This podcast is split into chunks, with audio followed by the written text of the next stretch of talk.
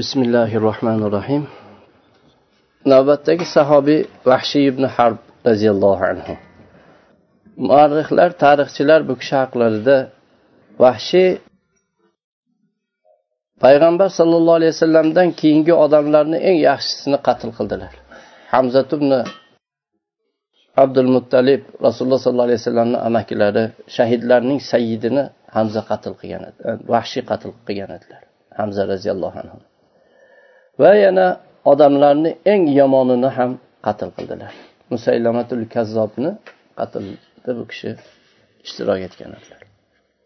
Rasululloh sollallohu alayhi vasallamni amakilari hamzat ibn abdul muttalibni uhud kunida qatl qilib o'ldirib rasul sollallohu alayhi vasallamni qalblarini qonatgan bu kishi kim? Keyinchalik yamoma kunida musaylamatul kazzobni qatl qilib musulmonlarni qalblarini qoniqtirgan kishi kim? Bu kishi vahshiy ibn harb habashiy kishi abu dasama deb kunyalanardilar. Bu kishini nihoyatda insonni qalbini e, og'ritadigan insonni g'amga botiradigan qattiq bir qissalari bor. Bu kishi o'zi rivoyat qilib aytadiki men bir qul bola edim jubayr ibn mutamni quli edim. Quraysh sayidlarini bittasi jubayr ibn mutam roziyallohu anhu. Yana keyinchalik bu kishi iymon keltiradilar. Ulug' sahobiylardan bo'ladilar. Qurayshlarning eng ulamolaridan qurayshlarni sayyidlaridan bo'lgan kishi. Rasululloh sollallohu alayhi vasallamni sahobalaridan bittasi. Shu jubayr ibn mutamni quli edim. Uni amakisi tuayma badr kunida qatl qilingan edi. Hamzat ibn abdul muttalib qo'lida qatl qilingan edi. Bu jubayr amakisiga qattiq g'am chekar edi. Keyin loti uzzolariga qasam ichib amakisi uchun o'ch olishlikka qasam ichdi. Amakisini qotili hamzani qatl qilishga qasamyod qildi. Keyin doim fursat kutib yurdi. Bunga uzoq vaqt o'tmadi hatto quraysh yana bir yildan keyin musulmonlarga qarshi jangga chiqishlikka qasd qildi. Muhammad sallallohu alayhi vasallamga qarshi jang qilib badrdagi o'zlarini o'lganlarga o'ch olishni qasd qildi. O'zini guruhlarini to'pladi ittifoqdoshlarini atrofdagi arablarni to'pladi butun tayyorgarligini ko'rdi. Bu katta qo'shinning yetakchiligini abu sufyon ibn harbga topshirishdi. Abu sufyon askarlar bilan birga quraysh ayollaridan aslzoda ayollaridan bir toifasini birga olishni xohladi. Ya'ni otalari yo farzandlari yo aka ukalari yoki qarindoshlarini biri badrda o'ldirilgan ayollardan bir to'dasini oldi. Askarlarni jangga tezlab ularni ruhlantirib turishlik uchun va erkak kishilar bilan qochish o'rtasini to'sishlik uchun ayollarni tashlab qochishlik qiyin bo'ladi deb bu ayollar bilan ayollar bilan chiqqan va ayollarni eng e, oldida abu sufyonni o'zini ayoli hind binti utba ham bor edi. Hindning otasi amakisi akasi badrda o'ldirilgan edi. Hamza roziyallohu anhu e, e, otasini qatl qilgan edilar. Askarlar shu yo'lga chiqishga yaqinlashgan vaqtda vahshiy aytyaptilar jubayr ibn mutim menga qarab aytdiki ey abu dasma sen o'zingni qullikdan qutulishga bir rag'bating yo'qmi? Qiziqmaysanmi? dedi. Ya bu qullikdan qutulish menga endi qayerda? Kim meni bundan qutqazib olardi? dedi. Men qutqazib olaman dedi. Qanday qilib? dedim. Hamzat ibn abdul muttalibni muhammadni amakisini meni amakim tuaymat ibn adiyni e, o'chini olib o'ldirsang sen ozodsan dedi. Men aytdimki deydilar lekin bu, bu seni ahdingga vafo qilishlikka kim kafolat beradi? Sen kimni xohlasang shu kafolat beradi dedi dedi. Bunga odamlarni hammasini men guvoh qilaman. Unda men qilaman borib o'ldiraman dedi. Deydi vahshiy o'zi o'zlari rivoyat qilyaptilar. Keyin vahshiy aytadilarki men bir habashiy kishi edim nayza otar edim. Shu habashlarni nayza otishida nayza otar edim. Juda otgan nayzam kam xato qilar edim. Nayzamni oldim askarlar bilan birga ketdim. Men askarlarni orqasida ayollarga yaqin ketar edim chunki meni menga bu urushni keragi yo'q edi. Bitta maqsadim shu o'zimni ozod qilishlik boshqa bir urushga meni ehtiyojim yo'q edi. Qachon hind meni hind abu sufyonni ayolini oldidan o'tib qolsam yo u o'tib ketsa meni nayzamni qo'limda shu quyosh nuri ostida yaltirab turganini ko'rib ey abu dasama o'zingni ham hojatingni e, bajar bunda bizni ham qalbimizni qoniqtir. Bizni ham hojatimizni o'ta deb qo'yardi. Ya'ni o'ldirsa o'zi ham qullikdan qutuladi bular ham shu qalbidagi bir o'chiga yetadi. Uhud tog'iga yetib borganimizda ikki jamoa to'qnashdi. Hamza hamzat ibn abdul muttalibni men qidira boshladim. Oldindan u kishini men yaxshi tanir edim. Hamza hech kimdan yashirinmas edi. Chunki u u kishi boshiga shu tuyaqushni e, patini qo'yib olardi o'ziga tenglarga o'zini ko'rsatib turishlik uchun. Buni kuchlik arablarni shijoatlilari polvonlaring bo'lsa menga kel deganday o'zini ko'rsatishlik uchun shunday qilib olardi. U kishi shu o'ziga alomat qo'yib jangga chiqar edi. Ozginadan keyin hamzani ko'rdim. Jamoatlar ichida xuddi kulrang tuyaga o'xshab shunday borar edi. Kulrang tuya degani tuyalarni eng baquvvati bo'ladi. Baquvvat tuya shunday borar edi. U kishi odamlarni qilichi bilan sochib tashlar edi. Shu parchalab ketar edi. U kishini oldida hech kim turolmas edi. Hech bir narsa sobit turolmas edi. Men ham unga tayyorgarlik ko'ra boshladim.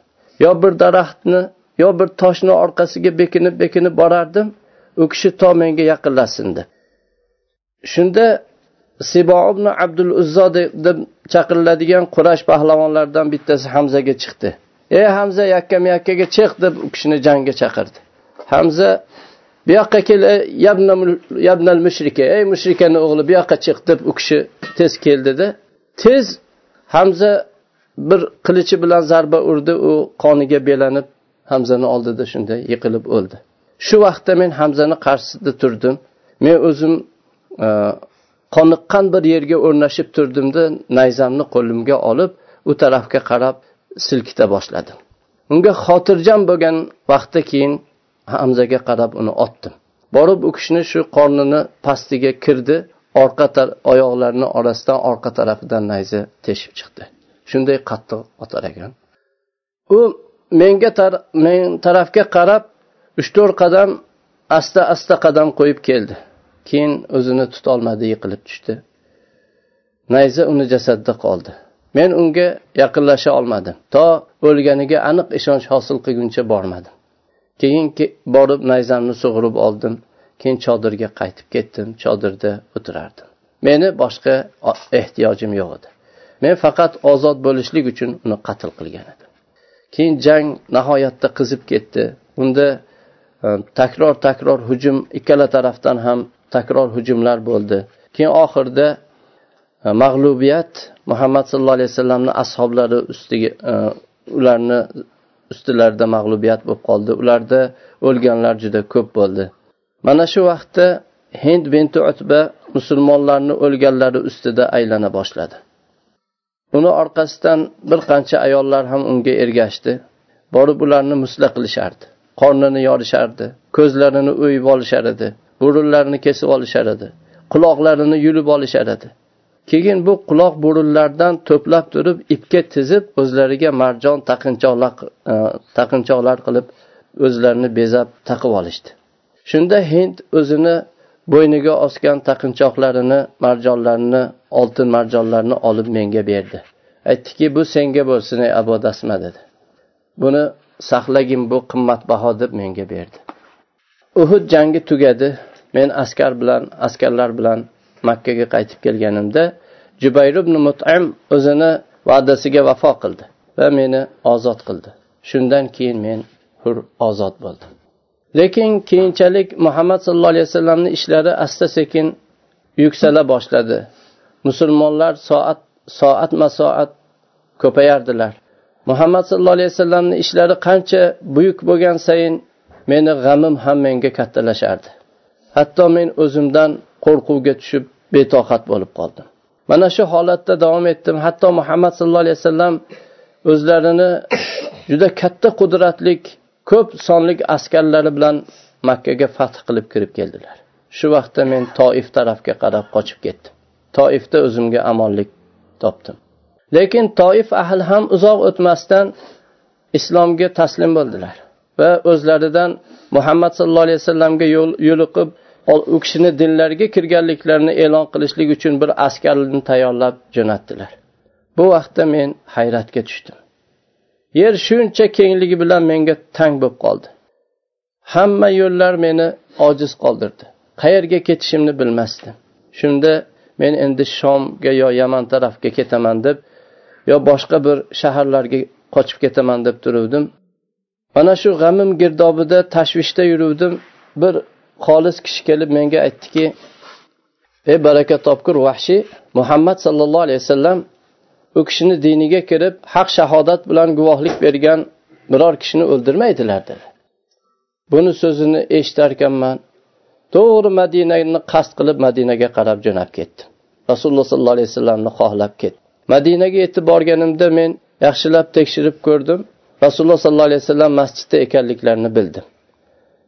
Shoshilib masjidga ehtiyot bo'lib ildam borib masjidga kirdim. Va rasululloh sollallohu alayhi vasallam tarafga qarab yurdi. Hatto u kishini oldilariga borib to'xtadimda ashhadu an la ilaha illalloh va anna muhammadan abduhu va rasuluh dedim rasululloh sollallohu alayhi vasallam bu shahodatayni eshitganlarida boshlarini ko'tarib menga qaradilar. Qarab meni tanigandan keyin yuzlarini mendan o'girdilar. Vahshiymisan dedilar. Ha ya rasululloh dedim o'tir menga hamzani qanday o'ldirganingni gapirib ber dedilar. O'tirdim. U kishini butun xabarlarini gapirib berdi. Men so'zimdan bo'shagan vaqtda rasululloh sollallohu alayhi vasallam mendan yuzlarini o'girdilar. Ey qurib ketgur vahshiy mendan doim yuzingni yashirib yur dedilar. Bugundan keyin men seni ko'rmay dedilar. Mana shu kundan boshlab men rasululloh sollallohu alayhi vasallam ko'zlari menga tushib qolishligidan saqlanib yurardim. Sahobalar rasululloh sollallohu alayhi vasallamni oldilariga borib o'tirsalar men orqalaridan joy topib o'tirar edim. Mana shu holatda qoldim. Hatto rasululloh sollallohu alayhi vasallam vafot etib dunyodan o'tdilar. Keyin vahshiy yana so'zlarini davom ettirib aytadilarki islom o'zidan oldingilarni kechirishini bilar edim. Lekin bunga qaramasdan doim men musulmonlarga islomga musibat solgan bu katta musibatni juda og'ir sanab o'zimni qilgan kasbimdan qilib qo'ygan ishimdan nihoyatda katta bir yomon ish qilganligimni his qilib yurardim. Va mana shu o'tmishda mendan sodir bo'lgan bu gunohimni yuvadigan bir fursat kelishini doim kuzatib yurardim.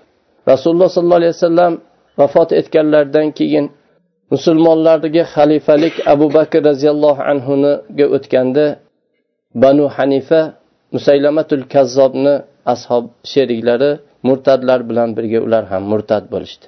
Shunda rasululloh sollallohu alayhi vasallamni xalifalari musaylamaning jangiga bir qo'shin tayyorlay boshladilar. Bani Han banu hanifa qabilasini olloh din ollohni diniga qaytarishlikka askarlarni to'play boshladilar. Shunda o'zimcha aytdimki allohga qasamki ey vahshiy bu seni fursating endi g'animat bil. Bu fursatni qo'ldan berma.